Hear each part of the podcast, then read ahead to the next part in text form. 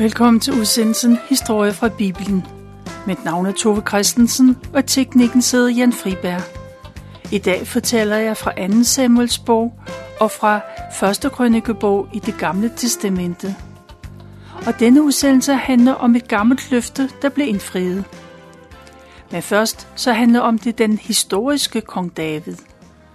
I Bibelen er David en stor og vigtig skikkelse – men forskere og arkeologer har forsøgt at finde andre kilder til at få bekræftet, at David virkelig har levet, og han var en stor konge i Israel. Arkeologer har gravet mange steder i Israel, men de har aldrig fundet noget øh, store bygningsværker, som de med sikkerhed kan datere til kong Davids tid. I mange år har man ikke fundet noget fysisk bevidst om David – det kan måske hænge sammen med, at der har været mange krige, både i Israel og specielt i Jerusalem. Et par gange i historien er Jerusalem blevet jævnet med jorden. Mange kritiske teologer og forskere har sat spørgsmålstegn ved, om David overhovedet har levet, og om han har grundlagt en kongeslægt. Men i 1993 gravede man ved Dan i det nordlige Israel. En israelsk arkeolog fandt et stykke af et mindesten, der var skrevet på aramæisk. Stenen handlede om Damaskus konge, og der stod, at han havde vundet en sejr over en israelsk konge, der var af Davids hus. Der var altså en Davids slægtning, som havde været i krig med kongen af Damaskus. Stenen har man dateret til år 800 før vores tidsregning, altså 145 år efter Davids død. Stenen var det første fysiske bevis på, at David virkelig har eksisteret, og hans kongeslægt har været kendt uden for landets grænser. David blev husket 150 år efter sin død. Bibelen fortæller ikke meget om, hvordan David i praksis han styrede sit land i de 40 år, han regerede. Man hører mest om hans krige og de mennesker, han var omgivet af. Ikke mindst fortæller Bibelen om Davids forhold til Gud. Der er beretninger fra hans liv, og så får man indblik i hans, hans forhold til Gud og hans afhængighed af Gud, øh, Davids mange salmer i salmernes bog har været til trøst og opmuntring for mennesker lige siden han skrev dem. Davids, Davids opgave som konge er først og fremmest at skaffe ro for ydre fjender. Han står i spidsen for sin hær, og det lykkes at få filisterne til at slå tilbage. Efter mange års besættelse er Israel igen frit, eller i hvert fald forholdsvis frit og David udvælger Jerusalem til at være regeringsby. Han indtager byen og flytter til, til den med sin familie. Byen er gammel og forfalden, men han er opbygger øh, den, og med god hjælp fra en nabokonge, så får han også bygget et nyt palads til sig selv. Og nu er det tid til, at David kan tænke på noget andet i sit liv. Han kommer til at tænke på et løfte, han engang, engang gav sin ven Jonathan. Jonathan var kong Davids søn, og han døde sammen med resten af familien, da filisterne kom og angreb Israel. David og Jonathan har været venner, siden de var helt unge, og de lovede, at de for altid ville være trofaste over for hinanden. Hvis den ene af dem døde, så skulle den anden tage sig af den efterladte familie. David ved med sikkerhed, at Jonathan og alle hans brødre er døde, men måske lever der en slætning, som han ikke ved noget om. Og David han tager sit al- løfte alvorligt. Det er en æresag for ham at holde det, han har lovet. Han går i gang med at undersøge sagen og sender bud til Sauls gamle betroede tjener, for han må vide besked. Og ganske rigtigt, Tjeneren ved alt om, hvordan det er gået med den gamle konges slægt. Han ved, at de fleste af de mandlige familiemedlemmer døde i det store slag mod filistrene.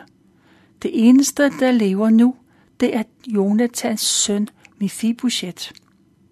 Han har overlevet urolighederne, men desværre er han lam i begge ben. Det betyder, at hans bevægelsesfrihed er begrænset, og dermed også hans arbejdsmuligheder. Hans historie er den, at da han var fem år, var han alene hjemme sammen med sin plejemor. Og så kom der bud om, at både Saul og Jonathan var dræbt i krigen.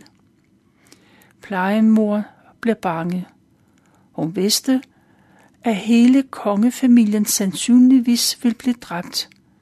For det var det normale, at familier bliver dræbt, når en konge dør på den måde. De nye magthavere de vil nemlig sikre sig, at de ikke også skal kæmpe mod kongetro tingere. Plejemors første tanke er at få drengen i sikkerhed, og hun tager Mephibosheth under armen og styrter ud af døren. Men på vejen snubler hun og taber drengen.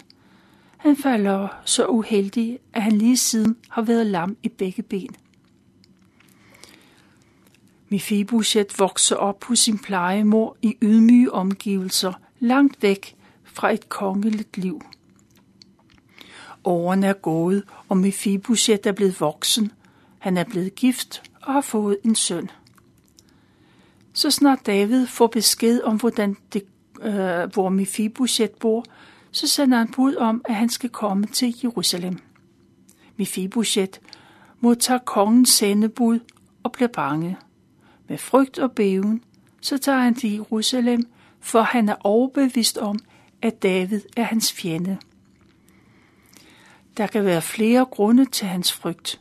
Dels fordi han ved, at hans farfar, kong Saul, forfulgte David på det groveste. Og så kender han selvfølgelig også reglen om, at man dræber hele slok kongeslægten, og nu er turen kommet til ham. Måske har han også bare en grundlæggende mistillid til magthaver. Dem kan man ikke vente noget godt fra. Mephibosheth er bange, men han tør heller ikke at blive væk. Og den lamme mand kommer frem til paladset i Jerusalem, og så bøjer han sig dybt i respekt for kongen. David ser hans bange øjne, og han skynder sig at berolige manden – Mephibosheth skal ikke være bange, for han vil ikke gøre ham noget ondt. Tvært imod. Og så fortæller David, hvordan øh, han var ven med, med Mephibosheths far, Jonathan, og David vil overholde et løfte, som han engang gav sin ven. Sauls familie ejede mange huse og afskillige marker, og da David blev konge, så overtog han det hele. Men nu giver David det tilbage til Mephibosheth. Det skal være hans personlige ejendom. Han, han skal få alt det, der engang var Sauls. Mephibosheth får et stort hus for ærende, men David foreslår, han skal flytte ind sammen med ham og bo i paladset med hans familie. De skal bo i det nye, nye Sidertræs-palads. Mephibosheth synes det er overvældende. Han kan ikke forstå, at det kan være rigtigt, det han hører. Han synes ikke selv, han er værdig til at bo i en konges bolig. En død hund er lige så værdifuld som en lærm mand, siger han. Men i Davids øjne er han dyrbar, fordi han er Jonatas søn. Og David viser med sine handlinger, at han mener det, han siger. David kalder på Sauls gamle tjener. Han meddeler, at hele Sauls ejendom nu tilhører Mefiboset. For fremtiden vil det være tjenerens opgave at bestyre ejendommen. Tjeneren stiller sig selv til rådighed sammen med sine 15 sønner og 20 tjenere. De skal nok sørge for at passe og pleje det hele og den lamme Mifibuset flytter til Jerusalem og bor i paladset. Han spiser jævnet med ved kongens bord, og han bliver behandlet som en af Davids egne sønner. Kong David har store ambitioner. Han vil gøre Israel til stort land, så det skal være lige så stort, som Gud oprindeligt havde forestillet sig det. For flere hundrede år tidligere, så indtog israelitterne det land, de nu bor i. Oprindeligt sagde Gud, at han ville give israelitterne et land, der strakte sig fra Ægypten i syd og langt op i det nuværende Syrien. Og det skulle gå fra Middelhavet i vest og et godt stykke ind i det nuværende Jordan. I dag mener nogle teologer, at Israel egentlig skulle være gået helt til Euratfloden. Men det gik ikke, som Gud havde planlagt. Men David har et stort ønske om, at Israels herredømme skal være præcis, som Gud oprindeligt havde tænkt, at det skulle være. De kongedømmer, der ligger øst for Israel, de går i krig mod hinanden. Det er der ikke noget usædvanligt i, for det plejer man at gøre hvert forår. David blander sig i krigene, og med tiden ender det med, at han får det områder, han gerne vil have.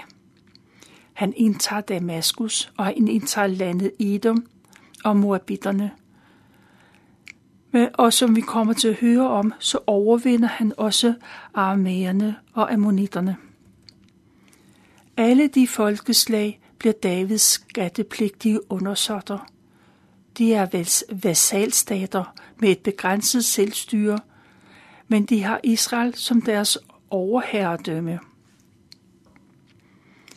Undervejs på sit krigstogt så beslaglægger David store værdier. Han får fat i tusind stridsvogne, og han tager både rytter og fodfolk til fange. Han får også fingre i 100 guldskjolde, som han giver sine officerer lov til at bruge. Og så får han en stor ladning bronze. I takt med, at David indtager nabolandene, så bliver der udstationeret soldater rundt omkring. Og hvert år henter han store skatteindtægter fra alle de områder, han har erobret. Efterhånden er David blevet en mand, som man får stor respekt for, og kongerne i området de frygter ham. Og mange prøver at holde sig gode venner med David. En af Davids øh, konger, nabokonger, de kan komme og vise ham øh, deres taknemmelighed. For David har netop vundet over de lande, som han selv har kunnet, øh, ikke har kunnet slå. Kongen giver David både sølv og guld og bronze for at vise sin taknemmelighed. Men det er nok ikke kun venlighed. Måske er det også bestikkelse for, for at sikre sig, at David ikke går i krig mod dem. David tager imod alle de gaver, han får, og han lægger det hele til side. Det hører, tilhører Gud, for det er Gud, der har givet ham de store sejre. David vil ikke bruge rigdommen på sig selv. De skal bruges på et særligt formål. For han har et stort ønske om, at der skal bygges et tempel. Et tempel til Guds ære, og det skal være en bolig til pagtens ark. Pagtens ark, Guds ark, står lige nu i et telt. Men til store, Davids store sorg har Gud bestemt, at arken forløbig skal blive der, hvor den er. Det er ikke David, der skal bygge et tempel af sten. Det er hans søn. Men David vil gøre alt, hvad der står hans magt, for hans planer skal blive til virkelighed. Og han ved, at tempelbyggeri, det kræver store rigdomme, for kun det bedste er godt nok til Gud. Tiden går, og der er fred i Israel. Der er ingen, der tør angribe. De er bange for at lide, lide nederlag. Man plejer kun at angribe de lande, man tror der er svagere end en selv. Og kongerne i området, de kæmper mod hinanden, men ikke mod Israel. Landet Ammon ligger øst for Jordanfloden, og på de tre af siderne har de Israel til nabo. En dag dør kong Ammon, og hans søn overtager tronen. David husker den gamle Amon-konge med stor taknemmelighed. Han hjalp ham, da han selv var på flugt. Og David sendte et bud for at kondolere i anledningen af kongens død. David sender to mænd til den nye ammoniter konge. Men da kongens officer ser Davids sendebud, så bliver de bekymrede for landets sikkerhed. Officererne siger, at de israelske mænd ikke kommer for ære deres, øh, den gamle konges minde. Nej, det er et påskud for at udspionere dem. I virkeligheden vil kong David angribe dem. Ammoniterkongernes officerer, eller deres officerer, de ser spioner i stedet for fredelige budbringere. Kongen lytter til sine officerer, og han arresterer Davids sendebud. De bliver ikke sat i fængsel, men i stedet for så bliver de ydmyget og vandæret. Først så får de deres skæg barberet af. Det i sig selv er en alvorligt for en jødisk mand, for alle mænd, de har skæg. Efter de er blevet tvangsbarberet, så bliver deres kjortler skåret af midt på livet. De har sikkert undertøj på, men de føler det som om de er helt nøgne, og det er også sådan, at det er i andres øjne. De er ydmyget på det groveste, og de er frataget al ære og værdighed og identitet.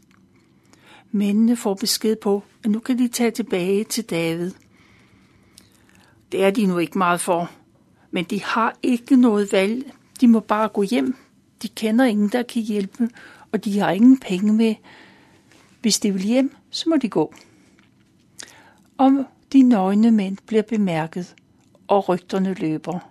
Snart ved alle, hvad Davids sendebud har været udsat for. Det kan godt være, at Israels fjender de morer sig, men David morer sig absolut ikke. Tvært imod, han er rasende. Og så har han stor medfølelse med sine mænd. Han vil gerne hjælpe. Hurtigt får han fat i nogle af sine embedsmænd. De skal gå mændene i møde med nyt tøj. Embedsmændene møder sendebudene tæt ved Jericho. De stakkels mænd kan endelig få noget helt tøj på. Og efter ordre fra David, så bliver det installeret i Jericho. Der kan de bo, indtil skægget vokser ud, og de med værdighed kan komme tilbage til Jerusalem. I ammonitternes lejr er man klar over, at de har fejlfortolket tolket David – de får røde ører, når de finder ud af, hvor rasende David har været over det, der er sket. De er sikre på, at hele Israels hær er på vej mod dem. Og de taler tingene igennem og mener, at angreb er bedre end et forsvar. Og de lægger en plan. For tusind sække sølv, så leger de aramæernes soldater – og deres stridsvogne og ryttere. Og man samler de lejede soldater og deres egne styrker sammen. Sammen marcherer de til en by, der ligger tæt ved grænsen ind til Israel. De to her deler sig, så ammonitternes her de tager opstilling foran byporten. De vil møde Israels her der. Armærernes her går ind på sletten uden for byen. De møder Israels hær i det åbne landskab. Selvom David er vred, så havde han egentlig ikke tænkt, at han ville hævne sig igennem krig. Men nu bliver han jo nødt til at forsvare sig. David sender sin herrechef Moab afsted med Davids bedste styrker, men ikke med hele hæren. Da de når frem, så finder de ud af fjendens opstilling, og Moab, Joab han er tvunget til at kæmpe på to fronter på én gang, og han må dele sin forholdsvis lille her. Hans bror skal stå i spidsen for den ene herenhed. De planlægger at komme i kamp mod dem, der er ved bymuren. Selv tager Joab elitesoldaterne, og de kæmper mod amalekitne al ude på sletten. Men før de skilles, så opmuntrer Jorp alle sine soldater. Han siger, at de må være tabre, de må være stærke, hvis de skal gøre sig håb om at redde Guds folk. De skal ikke, ikke kun kæmpe for sig selv, men for Gud. Og Jorab udtaler et ønske for dem alle. Må Guds vilje ske. Med de ord sender Jorab sine soldater afsted. De skal i krig og han går til angreb ude på sletten. De kæmper alt, hvad de kan, og der går ikke lang tid, før lejesoldaterne flygter. Ved byporten, så ser man, at øh, de andre flygter, og så opgiver de også og søger til flugt inden for bymuren. Pludselig er Israels fjender væk, og Joab han samler sin hær og vender tilbage til Jerusalem. Men ammonitterne de samler sig, og kongen kalder på forstærkning fra hele området. Selv konger på den anden side af Eufrat-floden, de kommer til hjælp. Alle vil være med til at slå Israels samlede hær. Arméerne, de vil danne fortrop, for de vil møde David som de første. Nu er de bedre forberedt, og de er sikre på, at denne gang vil de ikke flygte. Arméerne har en langt større her nu, og de er klar til at stå, og der er mange, der er klar til at stå og hjælpe, hvis de får brug for det. Og David samler hele Israels hær, og alle mænd er indkaldt. En kæmpe her samler sig, og David beholder kommandoen. Han står selv i spidsen, når hæren når, øh, går over Jordanfloden for at møde fjenden. Arméerne er godt forberedte, men de kan ikke stille noget op, og de lider store tab, og soldaterne flygter til alle sider. Mange tusinde falder for David og hans svær. De andre konger og herrchefer hører, hvad der sker, og det store nederlag, så giver de op på forhånd. Ingen tør kæmpe imod Israels hær. Gud har endnu en gang været med David, og hans herredømme bliver større og større. Der var jeg valgt at fortælle fra 2. Samuels bog, kapitel 8, 9 og 10, og fra 1. krønikebog, kapitel 18, 19 og 20 i det gamle testamente. De to bøger handler om næsten de samme begivenheder, men de har hver deres indfaldsvinkel.